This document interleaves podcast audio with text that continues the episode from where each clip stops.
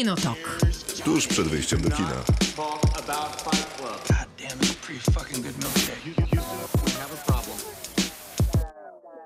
Krzysztof Majewski. Miłosława Bożek. Maciej Stasierski. W takim składzie zaczynamy Kinotok, czyli audycję o filmach i serialach w Radiu Ram na 89,8 FM. Ona będzie trwała przez dwie godziny. Będziemy rozmawiali dużo, a następnie będziemy w formie podcastu, gdzie tylko będziemy rozmawiać, bo tam muzyki nie ma.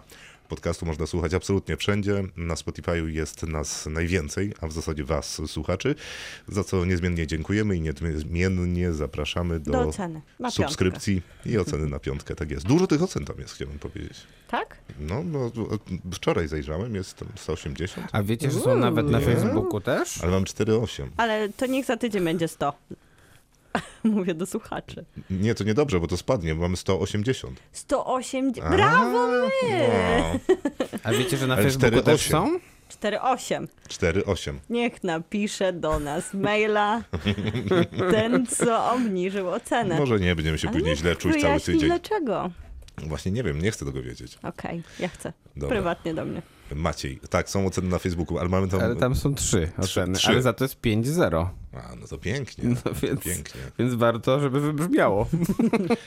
Dzisiaj będziemy zajmować się w robocie, jak zawsze na początek programu. W robocie to cykl, który pojawia się na naszym Facebooku w piątki. Tam pytamy was y, o jakieś rzeczy filmowo-serialowe, o najlepsze potwory, najpiękniejsze ekranowe miłości i inne takie rzeczy.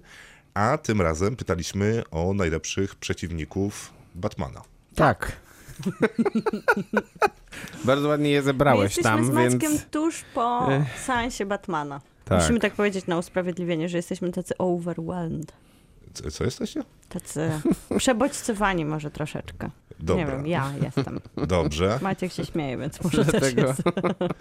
Batman będzie naszą pierwszą recenzją, zaraz po tym jak dorzucimy jeszcze parę słów na temat naszych ulubionych przeciwników Tak. Batmana. Batman, e, który świetnie się otworzył, najlepsze otwarcie w Polsce w tym roku, więc e, dużo osób na pewno na ten film się wybrało. E, Najlepsze otwarcie też na świecie. Nie, Spider-Man był lepszy. Ale Spider-Man był w zeszłym roku. I dziękuję. Wygrałem.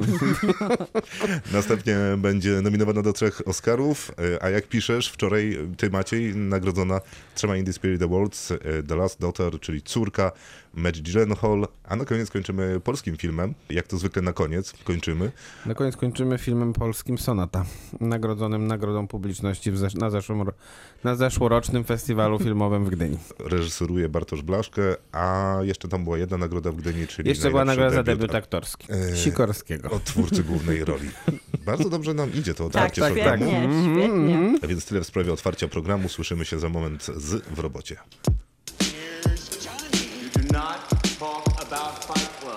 Kinotok. Film. Czas na dzisiejsze w robocie, w którym pytaliśmy o ulubionych waszych i waszych zdaniem w zasadzie nie ulubionych, co o top 3 najlepszych przeciwników y, Batmana. Takie było zadanie. Z tym zadaniem tym razem trochę się minęliście. Ale to Ale nic. my to naprawimy. Tym razem. my- Mamy szansę w tym razem. Tak, to prawda. Raz mamy szansę. Barton, Schumacher, Nolan czy Snyder pytaliśmy, który z nich stworzył najlepszego przeciwnika Batmana. Do wyboru był tak. 89 rok, pierwszy Batman, Bartona, Joker. Później kolejne dwie postaci bartonowskie, czyli Pigwin i Max Shrek.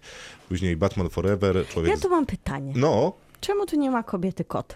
No bo to jest, y, w odpowiedziach jest y, kobieta kot, bo być może jest taką postacią niejednoznacznie, No jest. w sensie złowrogą, Możliwe. Ale no, no dobrze, mów dalej. Mhm. ale może być. W Będziemy sensie, jeszcze coś dodawać pewnie. Człowiek Zagadka Dwie Twarze z Batman Forever, Batman i Robin, Mr. Freeze, Trujący Blues i Bane, Batman Początek, to już jesteśmy u Nolana, Russell Gould i Scarecrow, Mroczny Rycerz to Joker i Dwie Twarze, Mroczny Rycerz powstaje to oczywiście I Bane. tutaj, przepraszam, ja tutaj chciałem powiedzieć, Proszę. bo tutaj jeszcze jest postać Mirandy Mm, Tate. właśnie, ma Jest postać Mirandy Tate. Cotillard. Ale jak wiesz, Maciej, miałeś O tę listę w swoich rękach, mogłeś ją dopisać, o niej gdybyś chciał. warto zapomnieć zawsze, to ale dlatego to pewnie zrobiłeś, tak. E, Proszę mnie tutaj nie podpisywać, e, bo zrobiliśmy to razem. Zrobiliśmy to wspólnie, podjęliśmy decyzję, że po scenie, którą wszyscy znają, związanej z Mirandą Tate, nie warto o niej wspominać. Patrz, Maciek po raz pierwszy w życiu powstrzymał się przed spoilerowaniem. Wiem, To zamilkłam. jest ważny moment. Ale dostałem Naprawdę. teraz fanfary jakieś, czy... dziękuję, dziękuję. I Batman vs. Superman, Świt Sprawiedliwości, Doomsday, Lex Luthor, Joker, to po prostu E, Joker. Doomsday to jest to takie zrobione CGI-em, tak? Mhm. Okej, dobra. bo Ja nie wiedziałem, co to jest do końca, bo troszkę już zapomniałem ten film chyba, z całe szczęście. Sylwester, e, Sylwester wzorowo odpowiada, bo ułożył top 3. Jest to Joker z 89 roku, Pingwin i Joker z 2008 roku. E, Wojtek pisze, że nie wiem, czy kobieta kot to taki klasyczny villain, ale powiedzmy, że taki hound villain i Michelle Pfeiffer jest w tej roli zabójczo dobra. To tak a propos twojego pytania, Miłka. Krzysiek mówi, że ja myśląc o różnych odsłonach Batmana w filmach Bartona, dokładnie pamiętam momenty z dzieciństwa, w których ja go oglądałem. Jako dziecko w tamtych czasach często do nich wracałem. Pingwin chyba najbardziej zapadł mi w pamięć jako osoba niekochana, której nikt nigdy nie przytulił i zrobił się bardzo zły. Jeżeli chodzi o filmy Nolana, to świetnie się je ogląda, wracam często do trylogii, ale nie zostaje ona ze mną na dłużej. Może dlatego, że jestem już duży. Ciężko mi wybrać teraz wspaniały, bajkowy sentyment, czy też surrealistyczny, mroczny, psychologicznie kunszt. Inne adaptacje nie są ze mną jakoś związane. Nie ma top 3, ale bardzo ładny głos. Jest bardzo ładnie. Bardzo. Już kiedyś pisałam, pisze Dominika, że Barton to, bo jest jednocześnie złowrogi, nie traktuje swoich bohaterów zbyt poważnie, ale też ma dla nich dużo czułości i zrozumienia. Do tego wszyscy mają stylówę jak z sex shopu. Na fali tego uważam, że... Nice. No bardzo dobre. Na fali tego uważam, że najlepsze czarne charaktery są w powrocie Batmana, bo zarówno Catwoman i Pingwin są postaciami z piekła, ale się im współczuję. Dodatkowo wskazuje trujący blusz, bo kiedy miałam 8 lat, wiesz, byłam na Batmanie i Robinie w kinie. Przekonana, że obejrzałam najlepszy film bratnią świata. duszą. Bardzo chciałam być wtedy jak Blusz, czy w sumie do dzisiaj bym chciała, ale już się pogodziłam, że nie będę. Pozdrawiam. E, Możemy od razu się zająć naszym top 3. Możemy. Będzie to szybko załatwione. Maciej. Nie, nie, ja nie. Ale to wiesz, to nie jest nie, no musimy ustalić po prostu najlepszą trójkę, więc e, A, czekam na twoje zgłoszenie. Y, Moje zgłoszenia są takie. No jeden, daj jedną postać. Joker Który? Z Mrocznego Rycerza. Mhm. Moim zdaniem najlepszy z trzech tych batmanowskich, chociaż jeszcze, bo jeszcze jest Joker w Suicide Squad, Oczywiście. o czym też warto nie wspominać, dokładnie tak samo jak o Mirandzie Tate. Dwa to jest Człowiek Zagadka w wykonaniu Jima Carreya. Oczywiście. I, a trzy... A nie podajemy żadnego uzasadnienia? Maciek tak surowo do tego Te, podszedł. znaczy, miałem nadzieję, że ono będzie na koniec. A, rozumiem, dobrze, przepraszam. A to jest, bo to, bo to nie jest żadna kol- czy to jest kolejność. No nie, nie jest. No, chcemy ustalić a- wspólnie e, trójkę. Dla mnie, trz- a trzecie, a trzeci to jest Pingwin w wykonaniu danego DeVito. Okej, bardzo dobra lista. Dziękuję. Miłka? Pingwin, Dany DeVito. Ja trochę tutaj jestem z, z tym głosem słuchaczy, że to jest chyba taki zły bohater, który zapadł mi w pamięć najbardziej. Taki, poza tym, że fizis jego i taka komiksowość, to dokładnie to, o czym pisali, że to była taka tragiczna postać, bo miała niesamowitą historię, co teraz często Marvel zapomina dodać swoim bohaterom, faktycznie miała jakieś motywacje, ale jest ten moment szaleństwa, w którym on postanawia zabijać dzieci pierworodnych i to jest już taki, wiecie, to jest już taki punkt najwyższy, jaki może Wilan osiągnąć. Miałem wrażenie, że mieliśmy uzasadniać na końcu. Aha, no to dobrze. Tutaj bardzo duży, taki duży głos dla, na pingwina. Kobieta kot też jako, jako jedna Jednak. z bohaterek i tutaj trochę versus e, Trujący Bluszcz. Trochę to jest problematyczne, bo to jest najgorszy film, jaki może być, ale Jest Uma najgorszy Thurman film jest w ogóle ever. tak, ever Prawda po jest prostu. fatalny. Mhm. I ja jeszcze Bane'a z Mrocznego Rycerza O, też na niego będę Mm. głosować, bo też mi się wydaje, że tam jest niezła historia w tle, która motywuje tego bohatera.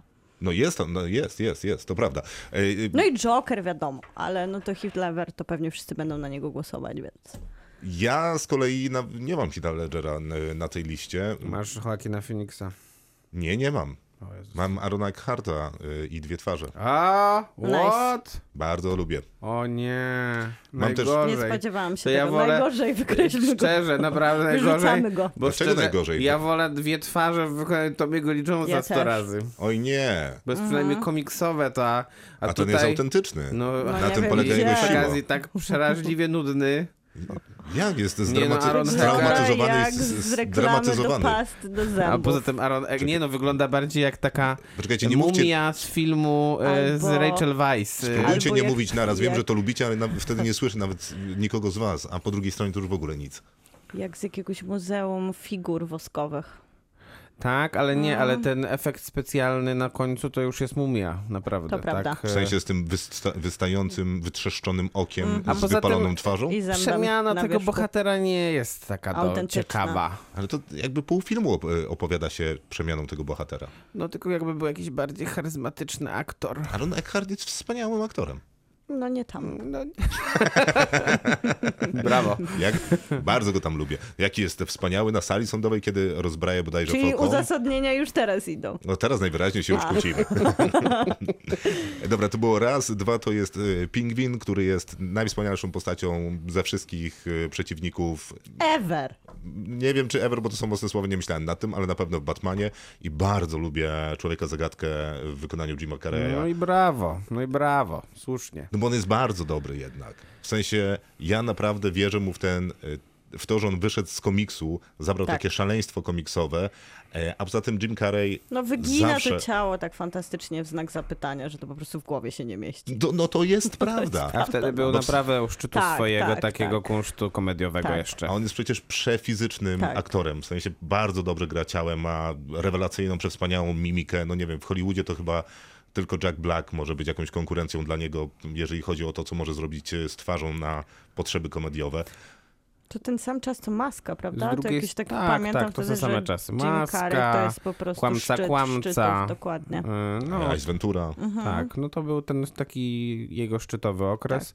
A poza tym miał też, nie ukrywajmy, dosyć łatwe zadanie, bo, e, bo Batmana w tym, w Batman Forever grał Val Kilmer, o, któr, o czym nikt chyba nie wie. Mam- Nie, no ja, ja lubię Walla Kilmera, ale ciężko lubić tamte film, jego Nie, Batmana. nie, ten film jest jeszcze do obronienia w przeciwieństwie do Batman i Robin, myślę. No Nie, i tam czy- George Clooney. Nie, no słuchajcie, no Batman Forever moim zdaniem jest zupełnie przyzwoitym filmem. Ja pamiętam i mam to wryte w, w, w podświadomość, że byłem załamany, kiedy człowiek zagadka znajduje jaskinię Batmana i wszystko mu wysadza. Byłeś załamany, No, kompletnie. Rozumiem. To dobrze. A przy okazji warto zwrócić uwagę na to, że design akurat człowieka zagadki w Batman Forever Jest super. był bardzo przyzwoity. A przepiękny jest też Super. design dwóch twarzy, Też taki dokładnie w tym zupełnie, jego świetnym garniturze zupełnie komediowy. kolorowym. A poza tym Tommy Jones jest wyśmienitym Jest. aktorem też. A to, że y, będziesz bronił tych dwóch twarzy, czy to nie jest twoje oficjalne zgłoszenie? Nie, nie, to nie jest moje oficjalne zgłoszenie, ale w kontekście tego, że ty wybrałeś te gorsze dwie twarze, to muszę, ich, to muszę go bronić. A, tak, tak, na wszelki wypadek. Ja tutaj z Maćkiem stoję murem. Widzę, że moje dwie twarze nie przejdą. E, dobra, ale na pewno przechodzi pingwin. Pingwin, na Pingwin. pewno. Na pierwszym go pos... Co? Zgoda na pierwsze? Czy będzie ktoś e, Nie, nie, no pingwin jest na 100%, tu nie ma żadnych wątpliwości. Dany Ale, DeVito ale Miłka został... mówi na pierwszym miejscu. A, no bo ja myślę, że nie będę, nie będę się kłócił. A nie, no ja na pewno nie będę No się i kłócił. jest jedynka. Dany DeVito y, dostał rolę, żeby teraz go nie obrazić, troszkę po warunkach, a przy okazji, y, a przy okazji wymyślił charakteryzację Tim Burton ze swoim pewnie charakteryzatorem niesamowitą. Y, I jak absurdalne mogłoby być to, że miasto zdobywa armia pingwinów, to tak, działa. Dokładnie. A, Ale to jak działa. one idą? Jak one idą. Jak mrocznie jak idą. mrocznie A poza idą. tym No, ale o- właśnie ten szczyt szczytów, że on jednak postanawia mordować pierworodnych. W takim, To jest jakby w takim wymiarze komiksowym to zło tam jest takie trochę odseparowane. To jednak jest A to największe zło. Tak, to jest dosyć duża To To jest deklaracja. Tak, tak. Po, potworna. A poza tym chyba, y, może się mylę, ale wydaje mi się, że jest to chyba jedyny batmanowski wilen, który dostał swój dedykowany temat muzyczny, bo zawsze ten temat Batmana, który najpierw dany Eltman wymyślił, a potem on były jakieś Mhm. takie przepoczwarzenia robione. Mm, A tutaj jest taki churalny temat y, narodzin Pingwina, y, który otwiera soundtrack też do powrotu Batmana. I to jest też takie wywindowanie tej postaci, myślę, na. No to jest ważniejsza postać y, w filmie po powrocie Batmana od Batmana, prawda? Jeżeli chodzi o nośnik emocjonalny, Tak, tak. to na pewno. Przy okazji to już często mówiliśmy o tym, e, że sztuką jest e, noszenie tej ilości make-upu Tak, mhm. i przebrania, które się ma na planie i Danny DeVito robi to I robienie z jeszcze z tego kreacji. Jakby się taki urodził. To nie był chyba komplement. Tak, ci miał to Więc tak to jest jak jedynka. Ja mogę, e, Jedynkę. ja bym apelował, żeby Człowiek Zagadka był na miejscu trzecim. Nie, Aha, w sensie, bo powinien być na drugim? nie. A ktoś się nam jeszcze zgadzał poza, poza Ja bym pingwinem? apelował, żeby drugie miejsce miały po prostu Joker Heath'a Ledgera. Yy, Ale wiesz, to jest łatwy wybór. za, łatwy, za łatwy, no, tak? trochę za łatwy. Ale d- z drugiej strony to byłoby, byłoby niezręcznie, jakby tu nie było Jakby nie któregoś miał. Jokera. To dajmy mu trzecie. No to jest najlepszy Joker. No ale to, no to, To wtedy będziemy mieli Joker. duży, możemy dać mu trzecie, ale wtedy będziemy mieli duży i poważny nie, problem nie, z drugim to, miejscem. nie, po prostu ląduje tam Jim Carrey i jakby A nie, no to koniec tak. dyskusji. No to mamy załatwione szybciej niż myślałem. Dokładnie. Nie, może byśmy jakąś kobietę może tutaj wybrali. No ale to nie chodzi akurat o to, żeby, wiesz, Michelle żeby mieć Pfeiffer była parytet w top fantastyczna. 3. Fantastyczna. Parytet w top 3 wilenów. Michelle Pfeiffer była fantastyczna. I pewnie moglibyśmy w, te, w tej sprawie argumentować, no gdyby nie to, że jest taką jednak y, postacią na granicy przeciwniczki i sojuszniczki. No nie, no jest jednak antybohaterką. A to tak samo jak w Anne Hathaway jest też antybohaterką. Batman no, ale też nie, jest nie, Nie antybohaterem. wspominajmy o Anne No dobra, Hathaway. nie, Nie, jest nie, antybohaterem, jest superbohaterem. Ja bym, jej, ja bym jej bronił akurat. Kogo? Kogo? Anne Hathaway też była dobra jako kobieta kot. No, nie, mamy wątpliwości w tej Ja sprawie? tak nie Miłka ma bardzo duże.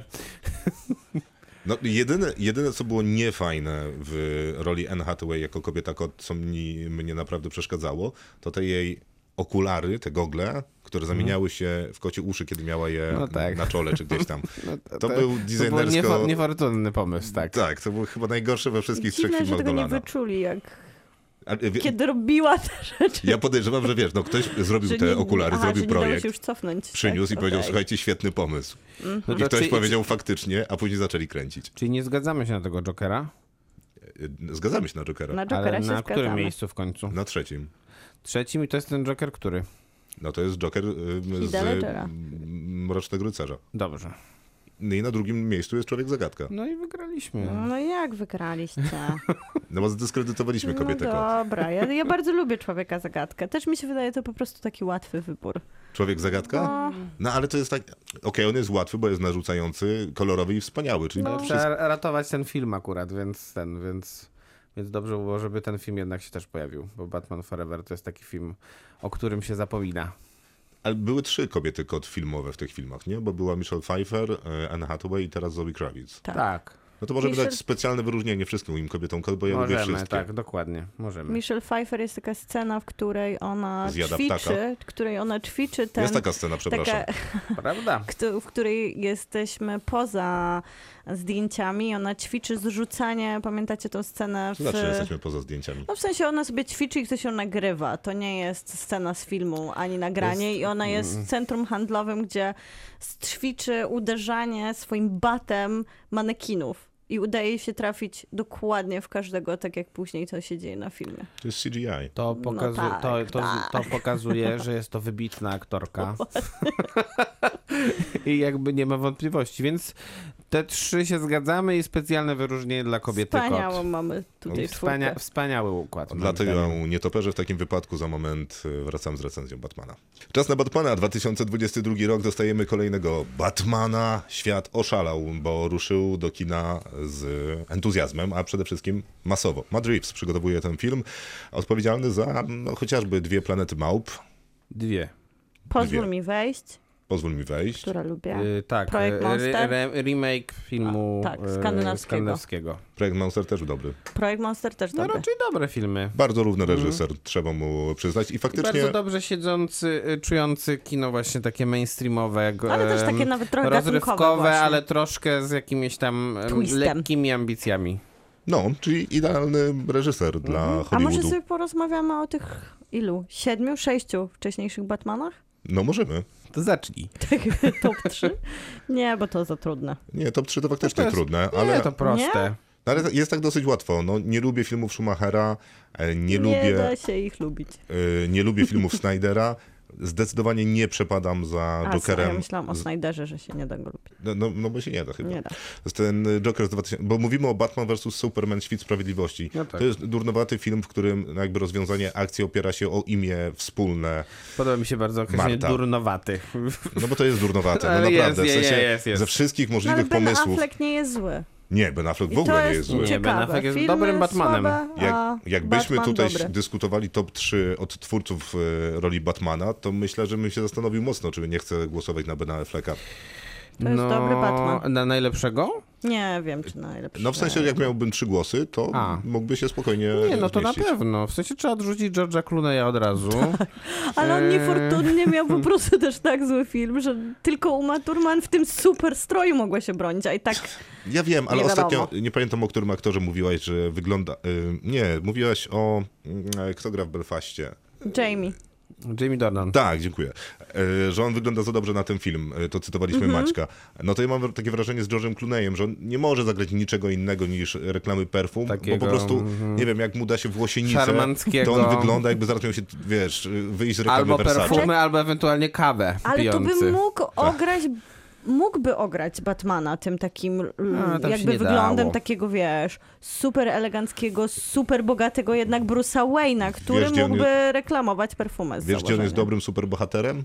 W Ocean's Eleven. Nie, nie, ale przepraszam. e, Ale ja bym jak mu dała Tilda szansę, Swinton, że gdyby to mógł być lepszy film, to może nawet Nie, nie, coś by nie. jeszcze wyczarował. Jak Tilda Swinton odbierała Oscara za Michaela Claytona, to właśnie mówiła, że, że George Clooney jest taką osobą, która bardzo angażuje się w rolę, bo jak, jak kręci Michaela Claytona, to właśnie w, każde, w każdej przerwie pomiędzy, zdjęcia, pomiędzy konkretnymi, konkretnymi partiami zdjęć zakładał ten, zakładał ten strój z, z sutkami i pokazała w taki sposób na te sutki i on się zaczął śmiać, więc myślę, że, więc myślę, że wszyscy wiedzą, że to niedobre jest rzeczy jednak. Niedobra, więc Schumacher nie, Joker y, ten nowy nie, Batman kontra Superman y, też nie. Natomiast y, mam pewne wątpliwości co do pierwszego Batmana początek. Nie podoba mi się ta część orientalna, a przede wszystkim wydaje mi się, że to jest wyjątkowo średni finał. Natomiast kolejne dwa filmy nie mam Ale do nich, mówimy o Batmanach czy o filmach? No o filmach, A ja tylko myślałam, że że Nolana. mówimy, mówimy o aktorach.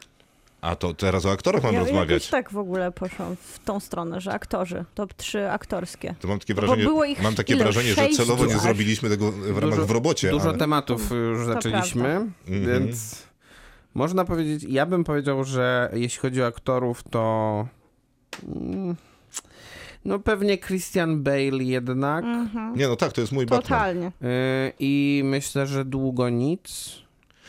A potem można byłoby już się kłócić pewnie o to, czy to będzie Ben Affleck. Ja bym powiedział, że Robert Pattinson jednak teraz nagle wskakuje wysoko. Mhm, to prawda. Bo e, co prawda według mnie lepiej wygląda, lepiej gra i występuje w stroju niż bez, ale ale Tam powłóczy oczami trochę. troszkę tak, troszkę jednak, troszkę jednak jest taki Trochę Twilight. jest taki vibe z Twilight, tak, dokładnie. Totalnie. Nawet, Troszkę. i, i, ta, I ta charakteryzacja też taka tak, była. ale to też przez to. On ma pomalowane oczy cały czas. Tak. Ale Tuszem. słuchajcie, Michael Keaton też jest zadziwiającym wyborem Tak, tak, przecież. Michael Keaton jest do I obrony. nikt nie chciał go, nikt nie chciał uwierzyć w to, że to ma sens w momencie, jak on został obsadzony, bo to było zaraz po Soku z Żuka. On jednak miał taki przyklejony vibe komediowy, a tutaj ma być z jednej strony obrońcą, a jeszcze bogaczem, a, A nie, trochę... Michael tak- Keaton Ale się sprawdza. super był Batmanem. Mi się bardzo podobał. Michael Keaton się sprawdza. Ale to trochę też zależy od tego, jakiego Batmana oczekujesz. y, To I jakiego też ten... film ci tworzy też. Tak, i jaki film ci tworzy, bo No, bo tam wszystko w komiksie to Michael Keaton pasuje. Tak. y, Natomiast no, no tutaj też jest bardzo komiksowy ten Batman ym, Reevesa, tylko że jakby jest to zupełnie inny komiks niż ten Tak. na przykład Bartonowski. Bo ten Nolanowski jest jednak bardziej kinem akcji. Mhm. I dlatego taka, taka siła fizyczna, która bije z Christiana Bale'a jednak jest y, tutaj decydująca. No tak, u Nolana jest na przykład bardzo, no, relatywnie dużo Bruce'a Wayne'a i Mhm. życia Bruce'a Wayne'a jako szefa firmy, jako mm, playboya milionera, No tak, a też tam jest zawsze atletą takim, wiesz, y, napakowanym i ten sportowcem i tak dalej, więc Tak, szczególnie w trzeciej części. Batman vs. Superman dostajemy no, bardzo mało tego Bena Afflecka, który nie jest Batmanem. Bo, Tak samo jak teraz. tak samo jak teraz, tak. Teraz tak, nie tak, ma. Wayne'a. Nie ma, nie ma, nie ma.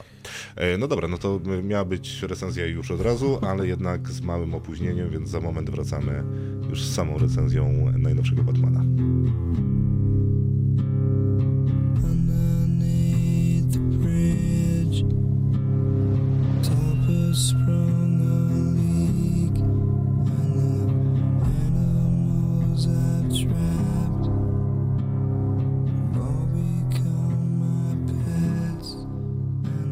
No to mamy przeciwników Batmana za sobą, mamy Batmanów To teraz za jeszcze sobą. najlepsze filmy, nie?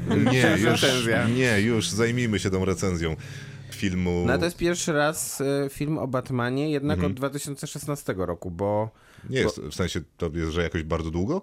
No nie, tak myślę, że myślę, że dobrze, że zakończyło się nie, nie, nigdy nie powstałe uniwersum Zacka Snydera o Batmanie, bo jednak Batman jest tylko postacią tych innych filmów.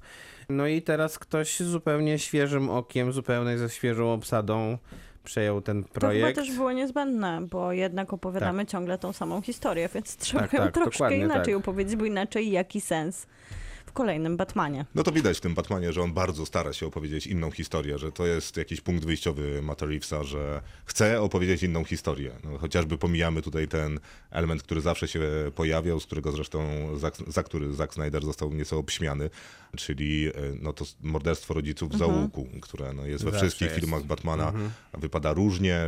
Myślę, Myślałam, że... że wypada róża, powiesz, ale wypada. Tak, Perła tak, też wypada. R- Różnie nie wiem nawet, czy Christopher Nolan wyszedł tak jednoznacznie obronną ręką z tego swojego pomysłu na ten zaułek, więc y, sam pomysł tego, że nie ma tego w tym filmie jest y, dobrym punktem wyjściowym, żeby opowiadać Batmana jeszcze raz na nowo. Ale no, ma, mamy Batmana, który faktycznie walczy już od jakiegoś czasu najwyraźniej w Gotham City, bo już się znają z Gordonem i pojawia się przeciwnik w postaci Riddlera, czyli powiedzmy, że człowieka zagadki, człowieka, który morduje kolejne wpływowe osobistości Gotham City, zostawiając kolejne zagadki w kopertach dla Batmana, bo adresuje je do Batmana. Batman jest dalej w sumie straumatyzowanym chłopakiem, który nie może sobie poradzić z tym, że jego rodzice nie żyją, który w tym wypadku, właśnie tak jak wcześniej mówiliśmy, nie widzimy Bruce'a Wayne'a, bo on się odcina od tego imperium, on szuka tym razem niesprawiedliwości, a zemsty. Tak, chociaż odcinanie się od y, swoich pieniędzy w wypadku Batmana jakby te- też się pojawiało, chociaż był Nolana. Natomiast Ale on tu nawet się nie odcina od pieniędzy, on w ogóle Mhm. się odcina od świata zewnętrznego. Tak, e, No tak, jest to- już, już w takim dramacie, że w ogóle Czyli Mroczny Rycerz Tak, powstaje w gruncie tak. rzeczy, bo to jest dokładnie ta sama scena i w sumie tam też poznajemy kobietę kot, która też występuje w tym Reevesowym e, Batmanie. Ten film jest bardzo która inny tym też. razem nie jest dwuznaczna. Co jest W nie... sensie nie do końca jest antybohaterką. Nie, nie, tutaj No kobieta dobra, kot jest pozytywną postacią pozytywną właściwie. bohaterką jest. Wydaje mi się. Dobra, jednak. kradnie, więc można powiedzieć, że No to nie jest najlepszy wzór. Jest gdzieś na granicy, no ale, ale jej motywacje są są, na słuszne. granicy, bo jesteśmy też w Gotham i trzeba pamiętać, że nie jest to miasto, które łatwo sobie radzi z moralnymi postawami, dobrymi Ciekawe- wzorcami. Brawo. Cie- tak, brawo, to prawda. Dokładnie. Ciekawy wizualnie jest ten e, film, to jest e, coś, co zauważamy w pierwszej sekundzie e, oglądania i zastanawiałem się, jak go, co on łączy, no nie wiem, neo-noir, emo-punk, które spotyka Matrixa i przy okazji jedzie z kinem policyjnym na tym, w tym, na tym samym Wiesz, wózku. co on łączy? Bardzo modne słowo. Hybrydę, Hybrydę gatunkową. gatunkową tworzy. Nie, nie, no tworzy hybrydę. Tak, no, Natomiast no, w obrazku jest e, tego dużo, a poza tym no, nabijamy się oczywiście tej hybrydy gatunkowej, ale on ma też mnóstwo odniesień do w zasadzie Tak. wszystkiego, co się tylko Co da. jest było. często samoświadomy i często świ- samoświadomie łamie jakieś takie sceny i rozwiązania. Wieczny deszcz, super. To super. Jak Blade Runner. ale leje tam tak, że po prostu jakby miał nadejść potop. No, Że dziwię się, że także. Batman nie buduje arki. No tak. Ale no, To Aronowski Ale to, musiałby ale to, robić. dodaje bardzo ten deszcz, przez to, że są takie momenty, które wizualnie nas, tak jak w deszczu, w deszczową noc, praktycznie nic nie widzimy i to się rozpływa, dodaje takiego elementu, który w takim kinie superbohaterskim, jeżeli chodzi o estetykę, nie jest spotykany. Tam wszystko jest Nie. wyraziste, albo za bardzo jest CGI-owe, żeby no Snyder próbował wy- tego mroku wyraziste. trochę, tylko że Snyder, to był Tylko, że raczej postawił na slow motion Tak, i tak, tak. brak e, na przykład e, tworzenia I postaci. tutaj też jest kadr, który można spokojnie wyciąć z komiksu, gdzie właśnie można malować tym deszczem, nie? który był bardzo często wykorzystywany jako taki element plastyczny, żeby po prostu opowiadać historię, ale też mó- móc się bawić kreską. I trochę wydaje mi się, że to jest ten trop. No tu jest y, dużo rzeczy, no bo raz, że film jest bardzo ciemny, dwa, że cały czas spada deszcz, to o czym mówi, czyli te częste detale, które pojawiają się, że kamera łapie na przykład tylko oko Pattinsona, który obserwuje kogoś jako Batman. Super komiksowy kadr, który w zasadzie na całą klatkę pokazywałoby to oko i to trwa 10 sekund, 12, nasyca e, się ekran tym e, kadrem.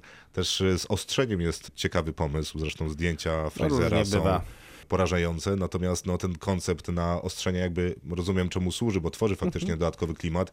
No nie wiem, na wielkim ekranie sali kinowej wyostrzone jest na przykład 20 na 20 centymetrów na całym ekranie. To Tak, jest tak, y, tak.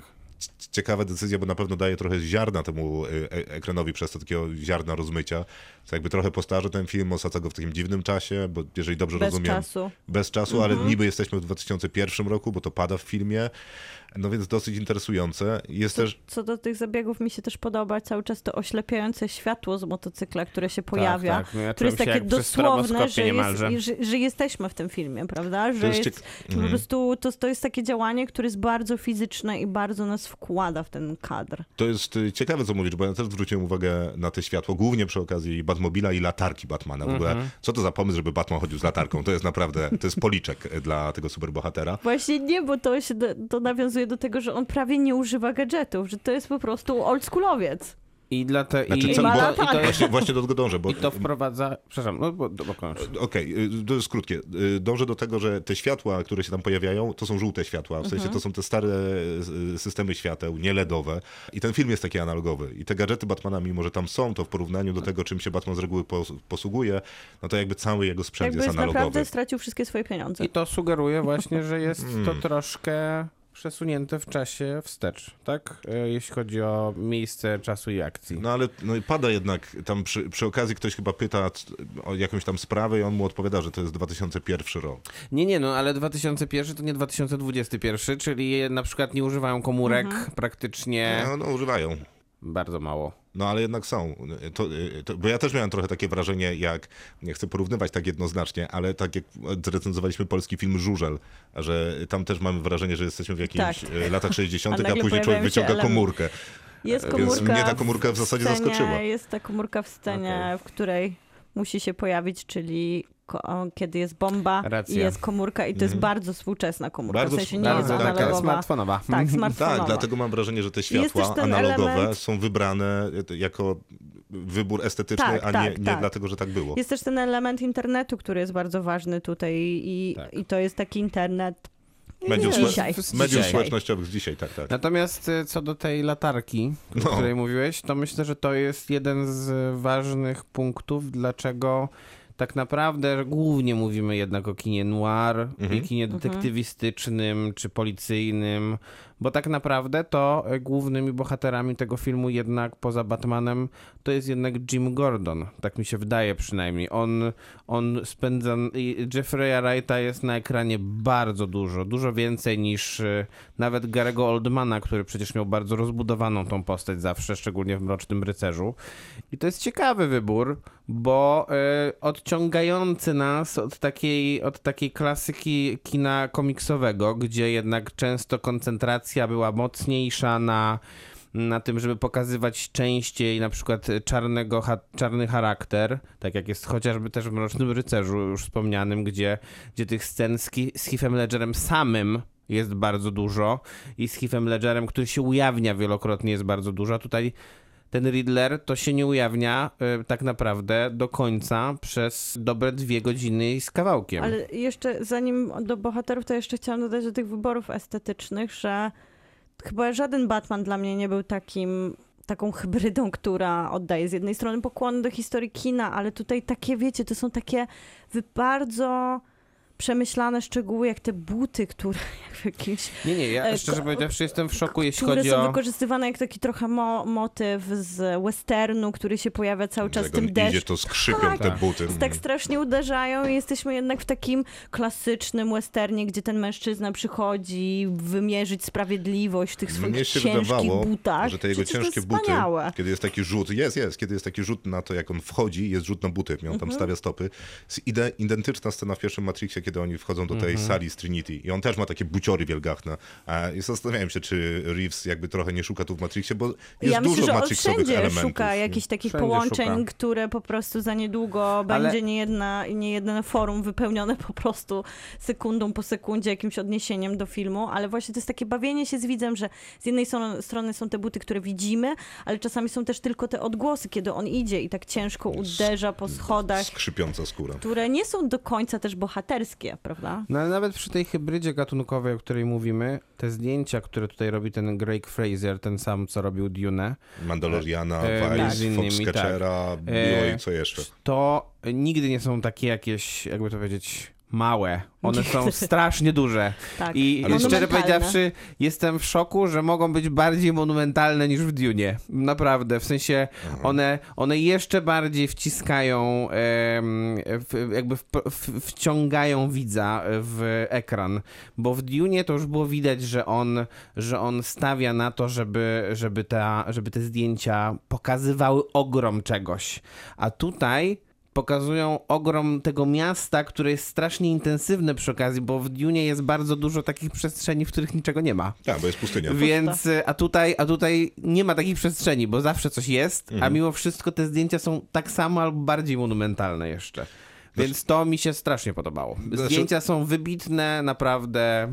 Pierwszy pewnie taki mocny już kandydat do przyszłorocznych Oscarów, jeśli chodzi o zdjęcia. Znaczy, zdjęcia są na pewno super świadome, no bo ja narzekam na to ostrzenie, bo jakby może nie jestem do końca fanem, ale ono ma jakby ma funkcję w tym Ma e, filmie cel. konkretną e, i ją speł, e, spełnia, e, jak, jakby większość tych zdjęć Frasera, natomiast nie wiem, czy bym powiedział, że monumentalne. Monumentalne pewnie w efekcie to tak, ale są też super klaustrofobiczne, bo jest bardzo dużo zdjęć w odbiciu, w ciasnych pomieszczeniach, w przydymieniu, w deszczu, e, w samochodzie, przez ramię, w, w, we wstecznym lusterku. No, nawet wtedy Takie są, to, jest to jest takie wielkie. Ja, ja rozumiem o co ci chodzi z tym, że to jest takie wielkie, ale jest ciasne. Nie? Jest, że jest, jest, jest. ten Ciasne i wielkie jednocześnie. To To- efekt duszenia jest, tu, jest tu ważny. I Jeszcze dla mnie taki na w przykład połączeniu z muzyką to sprawia wrażenie Tak. takiego... Fakt, no, nastrój jest tutaj niezaprzeczalny. I A, to a jest też propos taki detali... pokłon, to jest też taki pokłon dla Gotham, bo ja tak sobie je wyobrażałam w komiksach i tak zawsze wydawało mi się, że należy je pokazać, że ono dusi.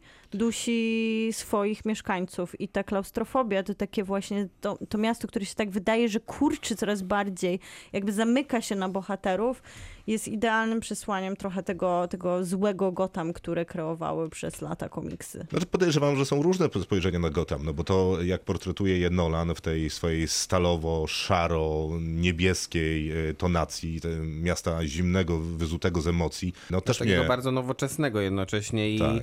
I nie takiego No mrocznego. tutaj bardziej Nie mrocznego, jest... ale jakby zobo- zobojętniałego na, Ale na, na też zło chociażby. No, Gotham jest skuteczne. obrazem, mamy różne odniesienia do konkretnych Tak, tak, obrazów tak, i do oczywiście. sztuki, prawda? To jest ciągle zabawa kadrem i, i popkulturą i kulturą. A, a propos jeszcze detali, tak już zamykając te kwestie wizualne, które w sumie są chyba najważniejsze w tym filmie, miałem jakąś taką dziką satysfakcję, że jak pierwszy raz zauważyłem, że Batman gdzieś stoi, albo w ogóle jakaś postać gdzieś stoi, e, na tle okna, tam jest dużo okien, to albo są to takie okna maksymalnie pełne ornamentów, takie ażurowane, e, w takim gotyckim stylu, albo takie industrialne, nie? że jest duża przestrzeń szyby tak, taka dzielona. Nie ma innych okien. Sprawdziłem. Szybko się zwróciłem uwagę na te okna i zwracałem uwagę na okna Ale do końca filmu. jest- Nie ma innych, no chyba, że siedzi w samochodzie. To jest też ta estetyzacja taka przemyślana, Nawet że w mamy Dinerze? bardzo Czy- Co to w, jest te, w, te, no, takim, w tym tej barze, hope- który siedzi... barze, W tym- gdzie... Tak, tak, no tam są właśnie te industrialne. Ale to też jest takie przemyślane, że tutaj każda lokacja, która jest, jest jakby osobnym uniwersum. Dom Bruce'a Wayne'a jest po prostu takim właśnie zamczyskiem, o który też tutaj pada w wypowiedziach jego przeciwników, ale później mamy ten klub No w klubie, który też... tutaj? Tak, bardzo. Twilight. Br- Bruce czy dom? Znaczy, na, ciekawą drogę przeszedł Pattinson. Ja chciał tak Ja bardzo myślę, pozbyć to- się Ja Twilightu. myślę, że to jest specjalnie. Ja myślę, że to jest przemyślany motyw, że, że on tak powłóczy tym spojrzeniem i mieszka w swoim, swoim wampirzym zamku, ale mamy też ten klub w klubie, który też buduje takie osobne uniwersum, do którego zaprasza. I mamy te różne... Mhm. To znowu jest Matrix, tym razem druga Tak, część. trochę to jest Matrix. Tak, Później ale mamy też oczywiście... troszkę, nie wiem, Goodfellas na Tak, tak, przykład. oczywiście. Więc Później mamy Davida Finchera w tym mieszkaniu, które odkrywają... Finchera tutaj mamy w co, drugim, w co drugiej sekundzie. Ale mam te, te nawiązanie Ale ten- do Finchera... To ja nie wiem. No to zaraz Jak- pewnie jak ci- porozmawiamy. Ale dlaczego ci przeszkadzają te na przykład do Matrixa i do, nie przeszkadzają te do Matrixa i do Twilightu, a przeszkadzają te do, Do Finchera? Twilightu to też mu przeszkadzają. Może nie, może jest skrytywane. Nie, nie. jest. Słuchajcie, o Twilightie, Fincherze za moment. Dwa słowa jeszcze o muzyce, zamykając te wrażeniowe y, części tego filmu. Są trz- dwie, jest oczywiście oryginalny soundtrack stworzony na potrzeby filmu, jest Nirvana i jest... Taki leitmotiv wykorzystywany z tej Nirwany, który się ciągle Tak, pojawia. i on jest przemiksowany Mhm. y, trochę, y, co jest nawet ciekawe, a i jest techno w tym Mało klubie. tego techno jest. Ale to już jest więcej dobre. jest smy, smyczków, jest więcej. Ale ten temacik Jak tam są romantyczne sceny, to leci Nie, taki nie, ale- Ale to już jest muzyka oryginalna. Głównie fajny jest ten temat, gdzie on wchodzi. W każdej scenie, w Tak. której on wchodzi, jest taki temat bardzo prosty, na kilku dźwiękach robiony. Tutaj na wiolonczeli, tutaj na fortepianie, tu na czymś zawsze się sprawdza. Tak jest, temat jest super. Natomiast były takie momenty, gdzie ta muzyka zaczyna być taka bardziej komiksowa, trochę bartonowa, lżejsza. Kompletnie No mi nie co? pasowało. No i po co ona Nie miała wiem tak po co. być? No bez sensu. Nie wiem, zupełnie jakoś Nie, poza tym e, nie wstrzelona. w scenach tak zwanego romansu, to jednak muzyka tam jest zupełnie nietrafiona też. Nie, Bo to, nie bo niestety, bo to niestety to, nie, to, jest to nie jest Titanic jednak. Ale nie, bo tam się robi taka ta muzyczka taka hopla pla. Nawet szukałem dzisiaj... Jeszcze raz, jeszcze raz. Hopla pla. Szukałem soundtracku dzisiaj te, A już tego jest? utworu. Jest, no. Michael Giacchino jest autorem tego, tej muzyki. Bardzo dobry kompozytor. No i ten, do, widać, że ma czucie do niektórych tematów i ten temat batmanowski mu wyszedł i być może trzeba było oprzeć cały soundtrack na tym, to byłoby lepiej po prostu. Tak, jakoś zabawić się tym tematem, Dokładnie. nawet kiedy mają te sceny I zrobić uniesienia. te opla pla. Nie, to Do innego filmu. Nie, tak, do wyrzucenia. No dobra, nagadaliśmy się i rozumiem, że jesteście zachwyceni filmem, bo tak was podejrzewam po Dune i po Bo my Blade Runnerze. Bo- w trudnej ja, ja, sytuacji, ja nie jesteśmy jestem, zaraz ja po nie jestem zachwycony, Okej. e, żeby nie było. Nie jestem zachwycony, natomiast uważam, że jest to bardzo dobry film. Mhm. Jest to, myślę, jeden, tak powiedziałbym, w pierwszej czwórce najlepszych filmów o Batmanie.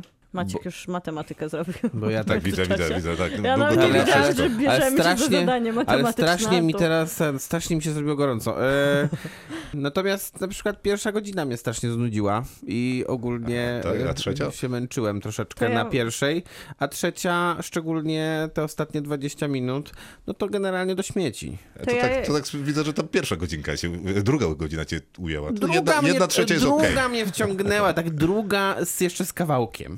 To ja mam problem z końcem, zakończeniem. W sensie takie ko- ostatnie... Mm. Ten moment, kiedy... Można powiedzieć, Nie że to mów. jest już wielki Już finał. nie mów.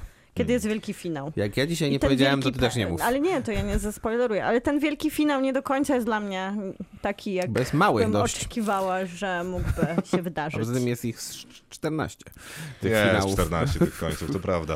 E, Pamiętam, jak e, Christopherowi Nolanowi zarzucano po jego Batmanach, że nie ma poczucia humoru. No i poszedłem na tego Batmana Mata Reevesa i Tu stwierdziłem, że też. To jednak jest jakiś wspólny pierwiastek twórców. Pingwin jest bardzo zabawny. Nie, to y, s- są, z- Nie, są nie. trzy świadome żarty tutaj. Ja bym, Tyle nie, co u Nolana. nie wiem, czy jest zabawny. To jest efektowna bardzo rola, bo to... Bo to Nie, nie, ja mówię, że są trzy żarty. Ja A, nie no, twierdzę, no. że pingwin jest U zabawny. Nolana to, to też żartów, to tak nie było za dużo. No te trzy. Why so serious? No i jeszcze nie, nie noszę ochraniaczy hokejowych. solidny żart, uważam całkiem. Natomiast no, więc ja chyba trochę, jestem chyba po środku, bo ty chyba jednak jesteś, się troszkę odbiłeś, bardziej niż ja, Mm. Yy, a Miłka chyba jest bliżej takiego Tak, ja jestem Mm. bliżej zachwytu. kompletnego zachwytu. Ja mam problem, bo będziemy ten film oceniać za jakieś tam kilka, kilka kilkanaście minut. Kilkadziesiąt minut. Słucham? Kilka, kilkadziesiąt. Kilkadziesiąt minut. E, Bo skoro film trwa trzy godziny, to Tak. będziemy o nim też gadać trzy godziny. Niestety Sonata i Córka bardzo dobre filmy, ale no niestety nie dzisiaj. Za tydzień może. Ja- I nie bardzo wiem, jak go oceniać, bo jakby nie da mu się odmówić tych tak zwanych production values. E, To, jak ten film wygląda i jaki przez to generuje klimat, mnie zachwyca. No kunszt jest niezaprzeczalny. Natomiast jak pojawiają się postaci, bohaterowie w tym filmie Mhm. i zaczynają mówić tymi swoimi zmęczonymi, cichymi głosami, to ten film... Gorzej jest, co mówią. To ten film, prostu. e, tak, to prawda. jest to, najgorsze. to, to, co mówią, to jest w ogóle Niech tragedia. sobie mówią takimi głosami, tylko... Ja wiem, ale mnie to jednak przeszkadza, A bo kto na przykład? No ten patet No dajmy Krzysztofowi dziękuję. skończyć. To ten poziom- tutaj płaczę. Ten poziom nadęcia, który osiąga ten film jest dla mnie Jest solidny. nieznośny. Miałem nawet na takie najwyższym wrażenie poziomie. po jakichś 20-30 minutach, że oni zaczną mówić wierszem. Wiesz, a kocico, kocico moja droga, czemu ja, zemsta, muszę ruszyć na walkę z pingwinem? Trudne to jest y, trochę. Ja się w ogóle miałem taki, nie mieliście, jedno pytanie, czy nie mieliście takiego wrażenia, że ten film naprawdę mógłby być lepszy, gdyby nie było w nim Batmana? Nie. Okej, bo ja, ja mam takie wrażenie. Ja się zas- W sensie, co gdy, do może tych inaczej, dialogów, gdyby nie ubierał stroju Batmana. I co do tych dialogów, to ja mam z nimi problem, bo nie da się nie mieć z nimi problemu, zwłaszcza te patetyczne zakończenia i te deklaracje, które Zakończenia, Rzucanie. początki, środki, tak, wszystko. wszystko. Tylko zastanawiam się, czy to nie był świadomy wybór, że To zły jakby wybór zły, zły, zły, To zły, oczywiście. no okej. Ale Nie udało się. jakby czy tutaj nie wybrano trochę tej formuły opowiadania obrazem i kreowania takiego świata, a trochę mówienia o tym, że to są bohaterowie, że Jakby ten tak komiks było, nie to by jest mniej słowem, mówili. jakby ten komiks nie jest słowem, nie będziemy teraz to Nie. ubierać w jakąś filozofię, Nie, nie ideologię, Miłka, bo jakby nie. tak będziemy było, do to siebie by, mówić to by dużo mniej mówili. No nie. Nie, bo oni bardzo dużo mówią jednak, bardzo dużo. I są takie sceny, gdzie rozmawia, gdzie są dwie osoby i naprawdę strasznie dużo gadają. E, Ale są sceny, w których to niek- działa. A niektóre, tak, oczywiście, że są sceny, w których to działa. Ale niewiele. Wsz- wszystkie na przykład sceny, w których jest Colin Farrell albo, Albo albo, Paul Paul, Dano, Dano. są super. Natomiast y, wszystkie sceny, w których są, y, jest Pattinson z kobietą kot, no to oni, to oni wyglądają tak, jakby byli nagrani na dwóch planach i mówili obok siebie. Ja No słyszałem, słyszałem recenzję, której recenzent, poważny recenzent z dużego tytułu, amerykańskiego, mówi, że on jest zachwycony chemią między Pattinsonem a No Zoe nie. Kravitz. Ale nie ma jej, więc ma jak może jej. być nią Ja zachwycony? mówię, jaka to, jest, jaka to jest chemia? W sensie to jest Słuch- woda? W sensie słuchajcie, brak przewodnictwa? Nie, woda jest przewodnikiem. Dobra, ja nieważne. oglądam, oglądałam teraz Żarty z jeszcze chemii, przed ja. filmem e, takie promocyjne różne wywiady, w których się pojawia i Robert Pattinson i Zoe Kravitz i oni mają promować Batmana. I wiecie, zadaje się im tam mnóstwo pytań z planu, pyta się jak dobrze się znają, oni się nie znają w ogóle. Nie udają, że się znają. Nawet nie wiem, czy się lubią, bo jest pomiędzy nimi taka dosyć taki dziwny vibe. Może dlatego, że właśnie to jest dwóch obcych ludzi, którzy muszą odpowiadać na pytania O swoją miłość tak, ekranową. O, Mm. o, siebie nawza- o sobie nawzajem, a nie Miłość? znają na nie W odpowiedzi. cudzysłowie. A, bo I się wiecie, to całują, jest tak jak tak? na To znaczy przykład miłość? ostatnio Spider-Man, dzisiaj wspominany Tom Holland i Zendaya są wspaniali, czarujący i wnoszą też taką fajną energetykę, bo są parą. Em, A się nie całują, Maciek. I się nie całują. Tom Holland i Zendaya. W Ale pierwszym Spider-Manie. Aha, W tym sensie filmowo. A tutaj to zupełnie nie działa. I nie działa to chyba poza planem i zupełnie dlatego to nie zadziałało na planie. To Natomiast- jest brutalne. Mimo, że y, Zoe Kravitz w, posta- y, w roli Kobiety kot. kobiety kot Seliny Kyle Bardziej, no. i ta jej historia Jest Seliny super. Kyle, no nie przesadzałbym, ale jest bardzo okej. Też Jest bym nie super. przesadzał, natomiast jednak wydaje mi się, że mocniejszymi punktami są tutaj postaci negatywne. To też była, nie, to też jest częsty przypadek. No zresztą nie, nieprzypadkowo o to pytaliśmy w, w robocie, bo to też jest częsty przypadek Batmana. I tutaj ja uważam, że akurat wszystkie trzy są super. Też tak bo, Tak, bo co nie znaczy, że wszystkie trzy są potrzebne. Zgadzam się, oczywiście, że tak. I tego można było się generalnie obawiać przed tym filmem, że tych postaci będzie za dużo. Ja na przykład nie, nie byłem świadomy, że, że Johna Torturo będzie aż tak dużo, ale on jest znakomity. John Naprawdę. John jest Turturro- To jest zawsze znakomity. znakomity. To jest po prostu To prawda, że fantastyczny jest aktor. y, zawsze znakomity, ale to jest naprawdę y, niepokojąco niebezpieczna, oślizgła rola Tak. schowana za okularami. Naprawdę jest to Jest świetne. idealna ta rola, naprawdę. I a z drugiej strony. No ale to kogo byście chcieli ten, skreślić? Ten poło... Nie, no nie wiem. No, No, właśnie, nie- bo ciężko ich nie- skreślać, kiedy tak się świetnie wybronili. Nawet nie jest- Colin, Colin Farrell, którego nie ma, w sensie jako aktora, jest Nie, cudowny nie, jako, aktor jest Pingwin. właśnie. On, y, Jako dobra, jego, jako- jego ale nie ma jego jako, postać nie jest niezbędna. Jego nie ma, ale jest, nie, jest niezbędna, żeby, żeby wprowadzenie do uniwersum prawdopodobnie. Tak, tak. E, natomiast jak już jest, to dobrze wygląda ta, ta postać na Super. ekranie. Jak jest ten pościg em, po, tej, po tej autostradzie, e, gdzie oni. A potem, jeszcze, a potem jeszcze taka rozmowa tego tercetu jeszcze z Jimem Gordonem. No to tam, tam jest, tam jest chyba Tam najbardziej są wszystkie, śmiesznie. wszystkie żarty Em, upchane w tam tym są to, wszystkie i, to żarty. jest jedna, a i ten, i ten pościg też znakomicie super. wygląda, więc y, Więc I to y, też jest to mrugnięcie do spuścizny Batmana, którego dzisiaj Pingwina nagrodziliśmy jako najlepszego antybohatera, który tutaj krzyczy, że to jednak Batman jest szalony, a to Tak, był tak. najbardziej szalony bo- antybohater całej No spuścizny tak, ale tutaj jest też Batmana. inny pomysł na tego Tak, pingwina. ale to- to On jest jest, jednak dużo bardziej realistyczny tutaj. To jest taki konwencją. to jest taki pod, tak, no pod, jest. podnóżek mafioza, nie? Który, który, Włoski. który chciałby tym mafiozą zostać. No i generalnie to w jaki sposób Colin Farrell e, wchodzi w rolę takiego przykrytego toną charakteryzacji Roberta De Niro, to wygląda naprawdę świetnie. Najlepsze od czasu Gary Goldmana, który wcielał się, jak on się nazywał, przepraszam, bo nie pamiętam, Ale gdzie? e, w Churchilla. Ale też Tak. Paul Dano, No i który Paul Dano, który ma widać, jedną, który jedną scenę de facto naprawdę świetną też. Mnie kompletnie nie przekonał, wydaje mi się super sztuczny, kiedy siedzi w tej, e, zamknięty za tą szybą i no i wykrzykuje swoją kwestię, a później jest mu smutno. E, Wspaniały. El Rata Alada, to, to w tej trójce pada, kiedy padają te żarty, kiedy rozmawiają z pingwinem. El Rata Alada, Tam są dobre te żarty. jeżeli Świetne, zwłaszcza Są, jak są. Jeżeli wejdziecie- jak stary pingwin. na stronę El Rata Alada, to tam czekają na was zagadki od Riddlera, które przygotował Warner Brothers. Chciałem, że Paul Dano sam. Tak. e, A trochę te zagadki takie są. To jeszcze tak y, może już powoli podsumowując, to właśnie te zagadki, nie? To one, To żadne zagadki. to trudniejsze były w Hobbicie jednak. To żadne zagadki, ale może to chodzi o to, że człowiek zagadka, tak go nazwijmy, nie myśli na poważnie, że Batman jest inteligentny, więc może zadaje mu łatwe. Nie, no nie, zagadki. no to, to, tego film nie sugeruje. To, to ma być największy mastermind, jaki Poza tym- kiedykolwiek chodził po Poza tym, że świecie. film sugeruje, że e, w tej scenie akurat sugeruje, że człowiek zagadka też jest średnio inteligentny. To Gdyż e, no, jakby nie jest w stanie ocenić sytuacji w żo- żaden To prawda. sposób na bieżąco. Zresztą Batman też tego nie potrafi zrobić. E, Nie, nie, tutaj jest jakiś ogłupiony zupełnie ten Batman niemalże. I- To jest chyba taki pomysł, że on ma być częścią zespołu. No, tak. Którego? Nie wiem, tego, w którym gada z Gordonem sobie na ucho, gdzie mruczą jakieś rzeczy. Nie, ale naprawdę... Ale Jeffrey Wright nie, też się broni Jest raczej. super. Gary Oldman był lepszy. Był No, lepszy. oczywiście. Był lepszy. Wiadomo, Oczywiście. był lepszy. Nie, to jest bardzo odważny film, ale y, y, taki. To trudno zrobić z superbohaterskiego kina coś takiego. To jest najdroższy art, arthouse'owy film, który pojawił się w kinach. Y, Tylko no niestety ma dynamikę memorii. No. A, a myśl finałowa, w której nie mogę być zemstą, y, bo muszę być nadzieją, to ja nie wiem, no mi, no, No, mi ręce jest- opadają. No, załamuję ręce problem. i wyję. Ale to jest problem materiału źródłowego. To jest wielki... Nie, no. Wizualnie to jest Daj kino, spokój, to Nolan miał nawet... inteligentniejsze pomysły. No ale ciężko, ja nie wiem, to ja po prostu się poddaję z perspektywy tego, że wydaje mi się, że komiksy nie dają przestrzeni do budowania wielkich dialogów i ciekawych rozwiązań. Ale Nie, wielkich no, dialogów to dają, jak widać.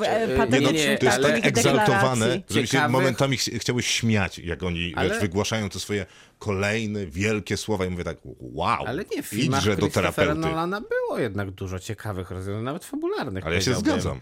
Nie, nie, no czy jakby złoty, prawda, złoty to prawda. standard Nolana jest tutaj absolutnie To nie prawda. do dotknięcia. Zgadzam się. E, co nie zmienia faktu, że to jest porządny film ze względu na to, co, o czym powiedziałeś na początku, czyli coś, za, przez co nie można go nie docenić, czyli to, że jak on wygląda, jak brzmi, jak, słu- jak się go słucha. I nawet jak grają aktorzy, którzy nie mają nic do powiedzenia, bo wszyscy starają się tam odegrać jakieś role, mówiąc patetyczne bzdury. Tak, tak, bo tak. jednak większość obsady się broni, naprawdę tak, tak. deklarując tak nic w uważam. powietrze. Tam była taka wspaniała scena, która mi się bardzo podobała, to a, akurat na... Nie ironicznie. Nieironicznie. Mhm. Kiedy, e, tak spróbuję nie zdradzając, kie- kiedy Batman jedzie na ratunek pewnej osoby, e, dzwoniąc do tej osoby, Mhm. chcąc ją ostrzec i okazuje się, że to już się wydarzyło ileś tam czasu temu. Tak. No świetne to było. To jest moja ulubiona scena w tym filmie. Naprawdę tak dobrze zagrane. Ale co do Dalej tego... bez ironii. Nie, kompletnie. Nie na... Nie, naprawdę znakomite. Naprawdę znakomite. Natomiast jest jeszcze mnóstwo rzeczy, które mi się nie podobały. Większość polega na tym, że przez tę egzaltację, która być może była trudna do uniknięcia, skoro ten film jest taki super wizualny, ja nie za Trochę egzaltowany jest też wizualnie, w sensie to nie jest na jego nie, to akurat, to akurat nie jest wadą, ale egzaltowany jest w tych postawach y, wszystkich bohaterów. Przez to mnie nie za bardzo chce się z nimi spędzać czas. Nie za bardzo chcę z nimi być, więc w efekcie nudzę się na tym filmie jak mops, a sceny akcji wcale nie uważam, że są super satysfakcjonujące, Poza bo... tym są ze trzy. Tak, No poza właśnie. tym są ze trzy. Ale to tak, ty- a propos tego mówię, że lubisz wyścig, ja go nie lubię. Super A, mi się podobało. Wie, więc lubisz go nawet super. Ja go nie ja też lubię. go super lubię. Oboje go lubicie super.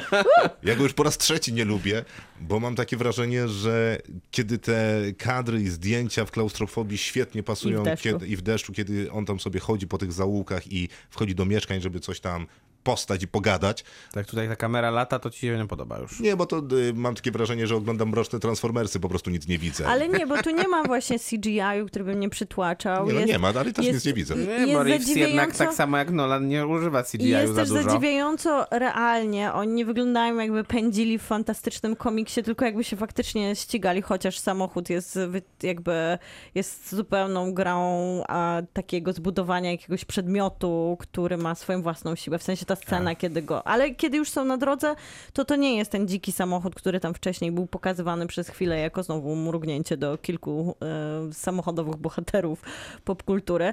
Ale ten moment właśnie, w którym już płonie, jakby jest finał wyści- w wyścigu i idzie Batman właśnie jak taki cowboy tymi swoimi butami w tym ogniu, no jest wspaniałe. Wspaniały.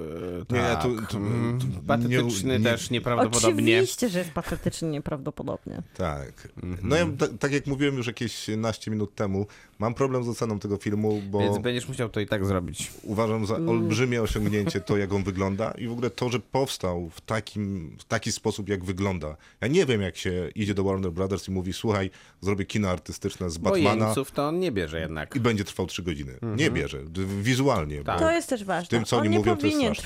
Trwać trzy godziny. Nie, nie, zdecydowanie nie. nie, Powinien nie. trwać tak, tak Nie dwie, powinien, dwadzieścia. żaden film nie powinien praktycznie trwać Nie, trzy nie. godziny. Tak, tak, nie, nie, to, to Nie prawda. może, wiem może dlaczego. Avengersi. No bo oni może. dob- dobrze, no chociaż też nie Ale wydaje mi się. nie, nie ci, ostatni to też nie byli już dobrzy Spokojnie dwa i, dwie i pół by No wystarczyły. nie, no nieznośne są te trzy, trzy godziny, po Nie prostu fair. boli. Ale ostatnio fair. niestety tak filmy No trwają wiem, i wszystkie. dlaczego? To jest nie fair. Dwie i pół godziny albo więcej, mam wrażenie. No, y, Będziemy oceniać? No proszę bardzo, dajesz. Ja tego filmu naprawdę bardzo nie lubię, ale zachwyca mnie. Ale będzie prawdopodobnie jego filmem roku. Mm, ja wiem. Albo przynajmniej będzie w top 10.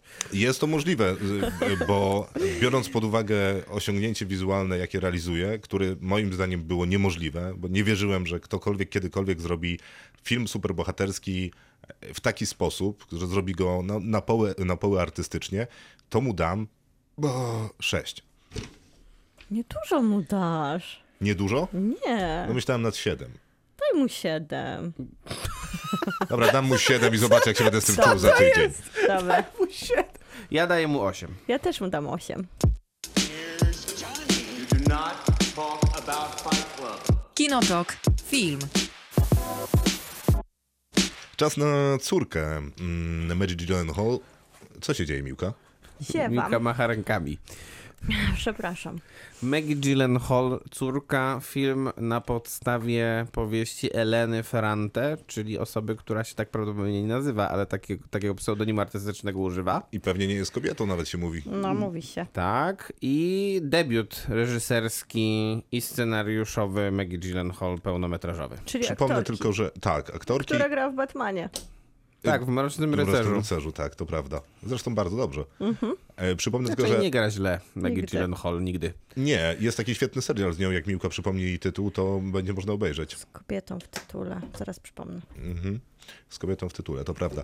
E, natomiast ja przypomnę tylko, że Elena Ferrante odpowiada za mm, trylogię neapolitańską, czyli Genialną Przyjaciółkę, która ma swoją adaptację z kolei na HBO Go w postaci serialu. I to był wielki I bestseller. tego ja nie wiem, ale dziękuję za informację. Uczciwa Musisz kobieta. nadrobić. A, uczciwa Honorable, naprawdę? honorable Woman. Tak, tak, no książka jest wybitna, myślę, że każdy powinien ją przeczytać. Ale nie serial? Też? Nie, serial jest nieznośny. A, rozumiem. Ma swoich fanów. To prawda, że ma. Całkiem sporo. Co ciekawe, że... Teraz wrócił z czwartym sezonem chyba. Ta, e, z trzecim, e, czwartym. No, którym Wiem, że ludzie, którzy czytali książkę, którzy- zresztą dokładnie ci ludzie, którzy mi pożyczyli tę książkę, są zachwyceni. Ja nie mogę tego oglądać. Bardzo dużo ludzi lubi ten serial. No więc niektórzy mogą lubić. Na przykład Diana Dąbrowska, Diana, tak. znakomita krytyczka filmowa, specjalistka od kina włoskiego, jest zakochana w serialu. Więc to coś znaczy. Natomiast myślę, Pewnie głównie to, że ja się mylę. Jest szansa, że też ludzie się zakochają w córce. E, Bo jest to naprawdę taki debiut, który, który jest zaskakująco dobry. i świadomy i wydaje mi się, że jest to naprawdę kino rasowe. Mm, ze- e, całkiem chyba niezły wynik, jak na to w ilu kinach się pojawił, Nie czy nie? sprawdzałem wyników. Zwłaszcza przy takiej konkurencji jak Batman. Tak, dokładnie. Zdaje się, że około 20 tysięcy widzów obejrzało ten film O, to w okej. weekend, więc całkiem niezły wynik, szczególnie w, no, w kon- kontekście Batmana, na którego poszło ileś tam Wszyscy. milionów. Który ukradł też e, ekrany innym filmom, Tak. między innymi Sonacie. Opowiada o tłumaczce, profesorce, która wybiera się na wakacje do Grecji, żeby odpocząć, żeby być sama. Chce tam znaleźć spokój, wybiera piękne miejsce, wybiera plażę. Ja z tym miejscem. No, wybiera takie miejsce, które Miejsce ma jest niedaleko odludne, od czy swojego piękne, to już nie hotelu. przesadzałbym. I chce tam po prostu być ze sobą, ale nie pozwala jej na to rodzina, która wybiera to samo miejsce bardzo. Taka Nie jej rodzina, nie tylko jej rodzina. Tak. Rodzina, która się tam pojawia również na wakacje, czy z innych powodów, e, to nie ma tak naprawdę znaczenia i zabiera tą plażę takim ekspansywnym byciem, głośnym celebrowaniem. Bo to nie jest do końca rodzina, to jest, to jest cały gang, to jest Tak, dwa zespoły tak, piłkarskie tak, naraz, razem z całym tak. sztabem szkoleniowym. No ich jest tam Ja chyba z więcej 50 osób. gang to jest też dobre określenie, bo ci wszyscy mężczyźni wyglądają na gangsterów. Tak, Prawda. Ma, mafijne, takie właśnie tutaj pasuje do Eleny Ferrante i genialnej przyjaciółki, takie jakieś mafijne, tutaj jest niuans, który się pojawia. Tak, ale bardziej ona- pasuje, pasuje to, że jej główną y, y, bohaterką jest intelektualistka. Tak, i ona no nie może nie podglądać tej rodziny, która narzuca się jej z, ze swoją obecnością, ale też wywołuje w niej wspomnienia i tak naprawdę głównie skupia się na postaci granej przez Dakota Johnson, na młodej matce, która jest tam ze swoją córką, z taką dosyć charakterystyczną relacją ze swoim partnerem, który również pojawia się na tej plaży. No i oglądamy takie retrospektywy z jej życia, kiedy miała, kiedy była młoda, chciała budować karierę, ale też w tym samym czasie założyła rodzinę. I teraz Maciej podejrzewaliśmy, że będziesz spoilerował, co ona zrobiła w przeszłości, co tak bardzo każe jej się zastanawiać nad teraźniejszością. A wydaje nam Mam już się, nic nie mówić, tak? To, to, Tak, to jest taka sugestia od nas. Dobrze, Wydaje to się, już, że już nie nic wypada. nie powiem. Bo to się wydarza dobrze po godzinie filmu. Tak. Tak gdzieś myślę, więc y, I wydaje mi się, że głównym nośnikiem tego filmu jest trochę takie granie na nosie widza. Jeżeli się nie zna książki, a ja nie znałam i nie wie się tak naprawdę, co się wydarzy, to te elementy, te wspomnienia, taki niepokój, który za nimi idzie, trochę sugerował mi zupełnie inne rozwiązanie niż otrzymuję w finale. Ja ciągle spodziewałam się jakiejś ogromnej tragedii, która będzie finałowym rozwiązaniem tych wspomnień i te ewidentnie nasza bohaterka Olivia Colman mierzy się z jakimiś mierzy Demonami się z demonami tak i że niesie konsekwencje swoich wyborów trudną. I, i to rozliczenie wydawało mi się inne i podobało mi się, że zostałam Znaczy, trochę Mnie z oszukana. kolei się podoba, że tam nie ma rozliczenia, że to jest jakby podsumowanie życia takim, jakie jest, a jest takie, że jeżeli chcesz samo stanowić o sobie, a nie odpowiadać za inne osoby, w tym rozumieniu dzieci, no to te wybory w twoim życiu będą naprawdę bardzo trudne, kiedy już masz te Bolesne. dzieci i doprowadzasz y, się do myśli, w której stwierdzasz, że posiadanie dzieci jest trudne, a Że, chęć... ci, się- że prawdopodobnie się do tego nie nadajesz. No, nie, nie, nie, No, nie wiadomo, to, to czy się nie, jest nadajesz. Właśnie, bo to, to trochę masz rację, bo to nie jest takie rozliczenie widza z tą bohaterką. Bardziej chodziło mi o rozliczenie jej ze swoim życiem, które ja czytałam inaczej, Mhm. ale to nie jest ocenianie jej postępowania. I to Czy jest ona porządku. sama siebie ocenia? Tak, no ona właśnie, o to mi chodzi, że ona się rozlicza, ale my jako widzowie nie dostajemy takiego wprost, że to jest no, że ten film nam daje odpowiedź, że na przykład to jest zła albo dobra matka z tej perspektywy. No film nie daje odpowiedzi i myślę, ja że stwierdzam, możemy- że postawa jest raczej naganna. no. Myślę, że możemy sobie jednak wyrobić ocenę i ona chyba raczej będzie jednoznaczna. Eee, Ja tak tego ta, nie czytam. Ta ocena Nie, tego. no ale dlaczego? No, w sensie uważasz, że to nie jest nag- naganna postawa? Widząc, widząc e, jakby W konsekwencje sensie nie bardzo wiem, kto, kto miałby to oceniać, na pewno nie ja. Ale... No, widząc konsekwencje tej postawy i to, jak jakby nasza bohaterka się mierzy z tymi decyzjami, które podjęła w młodości, no to ona sama się już wystarczająco... Nie, nie, ale ona sama wie, że to jest naganna Ona się postawa, na więc- tyle samobiczuje, że... A z drugiej strony Ale jakby też, ten, wiesz, ten swoim- finał, jej relacyjny finał z jej bliskimi nie sugeruje, żeby tam ta jej postawa doprowadziła do tragedii. Znaczy, pomi- pomijamy tu jedną, e, E, co Przepraszam, najmniej... że my tak enigmatycznie rozmawiamy, ale nie chcielibyśmy spoilerować Państwu Tak, no tego, co się dzieje w to, to prawda i, i faktycznie inaczej się nie da, jeżeli mamy nie, nie zdradzać tego, co się dzieje w jednej godzinie filmu, no ale jej czyny nie są... Nie. Jej czyny sprawiają, że y, y, co najmniej jedna osoba cierpi, a prawdopodobnie więcej. Prawdopodobnie wszystkie. e, Więc nie wiem, z czy. tematem. Tak, więc nie wiem, czy to, że jest jej przykro, jest jakimś odkupieniem. No chyba dobrze, właśnie ale to nie jest film o odkupieniu. Więc o to mi chyba, chodzi. chyba tylko w takim chrześcijańskim rozumieniu. No, no tutaj myślę, że chrześcijaństwem to nie ma nic wspólnego. Natomiast Też. e, No więc po- postawa jest naganna. to zostań, to może przejdźmy do oceny jakby klasy filmowej e, córki, bo mm, no ona jest bardzo wysoka ze względu z dwóch powodów. No, z dwóch powodów. Sam to ze sobą załatwię. Po pierwsze, e, z po pierwsze ze względu na to, jak bardzo dobrze jest napisany scenariusz, w którym rzeczywiście nawet te małe postaci są napisane z jakąś taką energią. I, i, i z, mają, mają swoją, mają, mają zawsze, każda z tych postaci ma swoje 5 minut.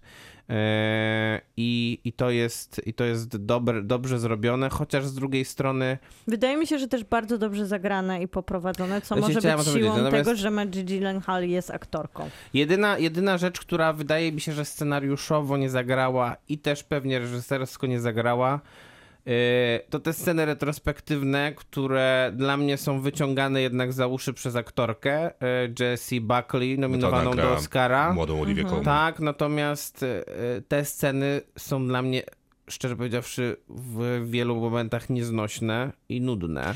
Ja, Maciej, niestety nie mogę się z tobą zgodzić, bo wydaje mi się, że to jest wina scenariusza jednak, że Tak? te sceny A nie retrospektywne... reżyserii. Może troszkę. Może dwojako, ja bym powiedział, że jednak scenariusza, bo y, to jak serwowane są te retrospektywne sceny, które w zasadzie mają nam tłumaczyć całą dramaturgię tego filmu, tak. bo wydarza się tam ta krzywda, wydarzają się tam inne krzywdy i w zasadzie to jest, one są tam tylko i wyłącznie po to, żeby mówić jak ta kobieta krzywdziła kogoś w przeszłości, dlaczego teraz tego żałuje i ma jakiś, próbuje się rozliczyć ze sobą samą na tych wakacjach, no bo Dakota Johnson jej przypomniała. A drugi... No, może masz rację, bo I przez strony... to dochodzimy do. Ostatnie zdanie. B- Przez to dochodzimy do finału, ostatniej dokładnie sceny w filmie, która moim zdaniem jest nieznośna i tania, e, i która została wyjęta z retrospektyw. A po drugie, ambiwalentne mam odczucia co do tego leitmotivu z, z, z tą e, lalką jako łącznikiem przeszłości z przyszłością. To jest dziwaczne. Ale to, Niepotrzebne. ale to jest może nawet na plus ta dziwaczność, bo dodaje temu... Może, no W sensie, mówię, że że mam film ambiwalentne tak, taki jest bardzo literacki, taki buduje powolną atmosferę opowiadania nam historii. Ta, No, czy ja ta lalka jest jakimś takim dziwnym przecinkiem, który wyprowadza nas ze sfery komfortu. Na Nie, pewno ta- ta sprawia, lalka że, na poziomie- że dodaje Na takiego... poziomie tej historii, w której oglądamy Oliwię Colman między innymi, ale też Dagmarę Dominczyk czy i Dakota No, Johnson. Mhm. Polkę, jak łatwo się domyślić. E, to jest, ta, ta lalka przecież e, jest akurat dobrym motywem ze względu na to, że ona buduje takie thrillerowe niemalże napięcie tak, w tym tak, filmie. Tak, tak, dodaje Co, e, czego się w ogóle nie spodziewałem, e, szczególnie czytając opis tego filmu, to, to bardziej brzmi jak takie, e, taki dramat obyczajowy, a tutaj są naprawdę takie elementy, które, mm, które troszkę, e, które troszkę sugerują, że, że Maggie Gyllenhaal chciała, chciała jakiegoś tam innego e, Hybrydy tropu gatunkowej. gatunkowego poszukać.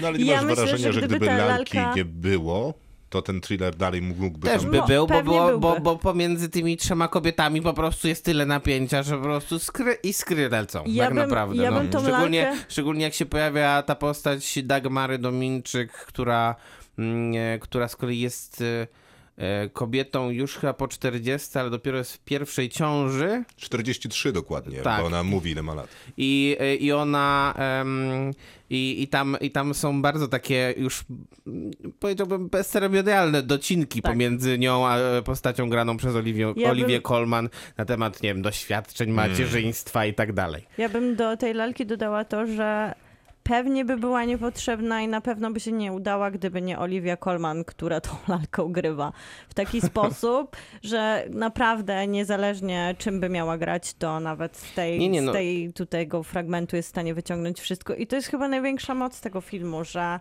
te wszystkie, tak jak mówisz Maciek, że Nie no, są elektryzujące postaci, aktorstwo, ale to jest, aktorstwo jest e, fantastyczne. jest po prostu niezaprzeczalne. Te cztery kobiety, bo poza tymi trzema, które grają w tej współczesnej części, ta Jessie Buckley, która, tak jak mówię, e, jako jedyna wyciąga te, te sceny i daje im jaką, jakąkolwiek emocjonalną siłę, no one po prostu robią robotę absurdalnie dobrą. To, a Olivia skaz- Colman to jest w ogóle to jest w ogóle jakaś osoba z innej planety, bo można byłoby jej dać naprawdę, no nie wiem, książ... tak, się, tak się to się mówiło kiedyś o Meryl Streep, że wystarczyłoby jej dać książkę telefoniczną i ona by zrobiła z tego jakieś, jakiś spektakl. No to Olivii Colman wystarczyłoby dać, Dać nie wiem, lalkę i ona zrobiła z tego spektakl i to w dodatku wygląda tak, jakby to było takie super niewysilone aktorstwo. Ona Tak. tak łatwo wchodzi w te postaci, wszystkie, które gra. E, Tutaj skacząc, nie wiem, od Elżbiety II po tutaj po profesorkę italianistyki, no to Tak, wygląda jakby jej wcześniejszym zawodem e, Był- był, była tak. profesura Dokładnie. po prostu. Tak, jest też tak. świetnie dobrana ta, to podobieństwo pomiędzy Jessie Buckley a Olivią Tak, Colman. też. To jest jakaś taka fizji, z którą wierzymy, kupujesz. jest autentyczna. Chociaż może te faktycznie te powroty do przyszłości są nieudane, to aktorsko to się broni i ma sens. W sensie w wypadku Jessie Buckley. Tu w ogóle aktorsko nie ma wielkich problemów, bo Nie, Paul żadnych. Mescal w takiej mniejszej roli też e, bardzo dobrze nawet sobie Ed radzi. Harris. No, no, e, e, Ed Harris mi trochę chrzęści. Tak, Nie, najgorszy, najgorszy i tak jest Peter Sarsgaard, który łączy zresztą córkę z Batmanem i w Batmanie też ma jedną z Ale najgorszych jest ról. tu ten aktor, który, nie pamiętam jak się nazywa, który też grał w tym filmie Niewidzialny Człowiek, tego przemocowego męża. O, Tutaj ja też jest powiem. przemocowym mężem, Tak, no w tak. sensie no, widzę. ewidentnie to już jest, to już jest jakaś jego rola. Tam jest jeszcze taki trop interpretacyjny, może, znaczy to dosyć oczywisty potem jak się obejrzy film, ale wygodny e, z, z perspektywy opowiadania o nim, bo też dobrze porządkuje pomysł na film, bo e, tytuł to jest em, Córka, po angielsku to jest e, za- Zagubiona stracona. Utracona, tak. Tak, bardziej chyba w tym kontekście córka. I to nie, nie bardzo wiadomo, o którą chodzi, nie? Bo czy jedną Tak. z córek Olivia Colman, czy Olivia Colman jest tą córką, czy, Czy- Dakota czy Johnson, Johnson, czy może czy jej córka. córka, czy może Dagmara Domińczyk, Czy jej córka, dziecko, tak. które być może jest córką, wie, y, czy, te, no, czy jeszcze może ktoś inny. Więc to pytanie jest ciekawe y, w kontekście mierzenia się z tymi kobietami, a poza tym wydaje mi się, tak jak zaczynaliśmy rozmowę od y, zastanawiania się, gdzie jest ta wina i y, Mhm. czy ona jest taka ważna, to wydaje mi się, że to pytanie jest zadawane bardzo celowo, bo to jest bardzo prowokacyjny film i Mhm. przez to też ma sporo pazura takiego społecznego. Ale on też Ale jednocześnie, tropy. ale jednocześnie i to, o czym mówiłeś w kontekście szczególnie tych retrospektyw, y, ten pazur czasem jest zdecydowanie za ostry i trzeba byłoby go stonować. Czasem jest zdecydowanie zbyt tępy. No i Maggie Gyllenhaal niestety e, przy, przy, całym, przy całej klasie tego filmu, która wydaje mi się jest, e, jest oczywista, e, no w pewnych elementach jednak pokazuje, że jest debiutantką e, na stołku reżyserskim. No szczególnie w, no, czy nie będę opowiadał scen, ale jest kilka przynajmniej scen w tym filmie, które, których po prostu nie trzeba było tak bardzo dopowiadać Po e, widzowi, co ma myśleć, bo widz i wie, co ma myśleć Tak. w, w, tak, w tak przedstawionych sytuacjach. po Chociaż- prostu. Chociaż gdyby właśnie odseparować się od tej przeszłości, która wydaje mi się, że jest tu problematyczna, to już dawno, no ja nie wiem, to jest chyba moje jakieś wrażenie, ale już dawno nie byłam taka zaskoczona jako widz, bo zwykle Mhm. są przewidywalne te historie, zwłaszcza takie, gdzie dostajemy te Bo tutaj gubienie tropów jest rzeczywiście z częste. plażą, gdzie tutaj są sugerowane pewne rozwiązania, które wydaje się, że na pewno się wydarzą. A się nie I wydarzają. się nie Mhm. wydarzają i to jest kino, pamiętajmy, amerykańskie i debiutanckie i to, to było chyba dla mnie największym takim miłym zaskoczeniem, że A, to było zaskoczeniem, bo szukałem, Tak. co w tym filmie jest zaskoczeniem. Nie, bo tam można się czuć było- zagubionym, ale to, to było zaskoczeniem, na pewno, że, że nie pójdziemy taką, postaci, wiesz, łatwą, łatwą drogą, która na początku była sugerowana Tak, tak, właśnie, roz- wiesz, rozumiem, te kamyczki rozumiem. na plaży, ta Ale fala. ta reakcja Olivia Colman y, to też wydaje mi się jakiś być może właśnie momentami za ostry pazur? Być może To jakoś tak, tak. Niekoniecznie Tak, tak, w pewnym momencie trzeba było po prostu jednak hamulec zaciągnąć ręcznie. Tak. No to co będziemy oceniać? Ale mimo wszystko ja dam 8 na 10. Ja dam Ja 7, też żeby 8 na dobrze 10. spać. Kinotok. Film. Czas na sonatę. Film e, polski z wieloma wrocławskimi e, akcentami, więc jakże moglibyśmy ominąć. No i też nagroda publiczności na Festiwalu Polskich Filmów Fabularnych w Gdyni, więc jakże moglibyśmy ominąć. A także nagroda dla Michała Sikorskiego za najlepszy debiut, więc jakże moglibyśmy odmin- odminąć. No Niewiele, niewiele brakowało jeszcze, żeby dostał tak zwanego klakiera, czyli nagrodę za najdłuższe oklaski. Bartosz O. Blaszkę reżyseruje, a historia jest y, taka, że chwyta za serce już samo usłyszenie, jaka to ona jest. A jest taka, że Grzegorz Płonka, młody chłopak, zostaje zdiagnozowany mylnie mm, autyzmem, e, a nieco później okazuje się, głównie dzięki zacięciu jego mamy, która nazywa się Małgorzata Płonka, to też ważne, bo Małgorzata Foremniak ją gra, jego ojciec to Łukasz Płonka, w którego wciela się z kolei Łukasz Simlat, a Małgorzata Płonka nie jest jego biologiczną e, matką, tak, bo tak. ta zginęła wcześniej w wypadku. To zresztą film e, pokazuje Nie, chyba zra- nie nie najlepiej, najlepiej. Nie to są najlepiej. nie najlepsze momenty. bo tego się nie da zrozumieć. I on tak. zostaje mylnie zdiagnozowany i nie skończyłeś, że okazuje się, że tak naprawdę to nie autyzm, a niedosłuch. Niedosłuch. Który, jak się okazuje, to jest mm, gdzieś początek lat 90., y, jest trudny do zdiagnozowania, Tak, tak. ale łatwy do wyleczenia, bo faktycznie Grzegorz Płonka urodził się z paroma problemami. Jednym z nich był niedosłuch, drugi to nadwraż- nadwrażliwość y, w oczach, więc za dużo światła nie, nie może padać mu na oczy po prostu, no bo go to bardzo razi i, po prostu uszkadza mu jeszcze bardziej oczy, więc sporo było tych... No i też problemy a, rozwojowe, problem- bo przez to, że Właśnie, był bo ta, bo wychowywany... ta błędna diagnoza doprowadziła do tego, że on nie poznawał dźwięków dobrze, nie był uczony w nie ogóle wytworzył tego. aparatu mowy. Więc tak, właśnie nie ma problem, ma problem z komunikacją i no i mów dalej. W zasadzie chyba nie ma nic do dodania. Film nas rzuca w taki moment, w którym Nie, no można dodać, że zawsze dla niego, nawet kiedy był błędnie zdag- zdag- zdiagnozowany, najważniejsza była muzyka, Tak, bo chociaż nie muzykę. słyszy, to tak naprawdę nie słyszał, to dźwięki, któ- dźwięki wywołują fale, więc on je odczuwał, więc znajdywał największe ukojenie w graniu. Tak, i słyszał te najgłębsze dźwięki najłatwiej, Wzruszony. najbardziej rezonują. A później zresztą jak dostaje pierwszy aparat, y, też nie słyszy górnych dźwięków, e, a to jest problem, ponieważ on już wtedy rozpoczyna naukę grania na pianinie y, w taki bardziej zaangażowany sposób, no i to jest dosyć spora przeszkoda. To jest film y, niewiarygodnie wręcz y, hollywoodzki, bo opowiada o historii, która jest Dokładnie. m, z mojej perspektywy była skandaliczna i nigdy nie powinna się wydarzyć. Ponoć y, medycyna jest wytłumaczona w tym, że faktycznie można. Można to pomylić. Że to można się pomylić faktycznie. Jest zresztą y, postać lekarza tutaj grana przez Jerzego Sztura, który bardzo zgrabnie nam tłumaczy, Bardzo dobre. na czym też. problem polega. Tak, bardzo dobra rola. Znakomita Małgorzata Foremniak, znakomity O, no. Łukasz Simlat. Zawsze. Nie sądziłem, że Małgorzata Foremniak taką rolę z taką werwą i siłą poniesie. A jednocześnie bez żadnego ego. Bez żadnego, a jest to jednak Trochę jak Olivia Colman, wcale nie, nie wygląda jakby się musiała starać do tej Mm. roli. A jest to jednak kawał roli, bo to jest niby film o Grzegorzu Płonce, ale też bardzo o Małgorzacie Płonce, która Tak, jest taką tak, tak. skałą, która nie mówi, okej, chcesz grać, to będziesz grał, nawet jak ty nie chcesz, to ja już chcę bardziej niż ty i cię do tego zmuszę. No tak, a Łukasz Simlat z kolei grający Łuka, Łukasza, tak? Tak, tak, Płonkę, y, udowadnia nam, że wszyscy powinniśmy mieć takiego ojca jak Łukasz Simlat prawdopodobnie i wszyscy by chcieli pewnie mieć takiego ojca jak on. No ale jak mówisz o tym, że rola, że jest w filmie y, duża rola, to ta największa to jest jednak ta główna, bo ten Michał Sikorski to jest y, jakaś absolutnie elektryzująca kreacja, która e, wydaje mi się, że e, no, e, wręcz, wręcz można, można się pomylić, czy przypadkiem nie gra osoba z niepełnosprawnością tej postaci. No zresztą pojawiły się głosy sugerujące, że być może powinna. Sam reżyser nam odpowiedział, że uważa, że tą rolę mógł tylko wykreować prawdziwy aktor.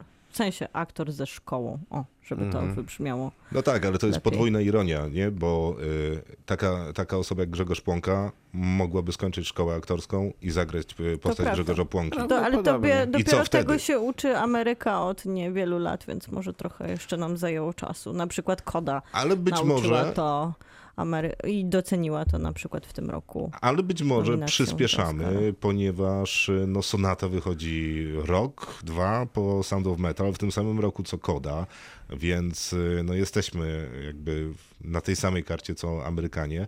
Być może kwestia aktorska jest jeszcze do doprecyzowania, ale jest jak jest. Póki co Michał Sikorski w roli jest znakomity. No i Tak. tak jak mówisz o, tej, o tym Hollywoodzie, że to jest taki film, który bardzo odnosi do takich wielkich, patetycznych filmów biograficznych, amerykańskich, w których oglądamy to dojście do spełnienia marzeń i ten, i ten takie w bólu przekraczanie tych granic. Na koniec jest wielki finał i wszyscy płaczemy.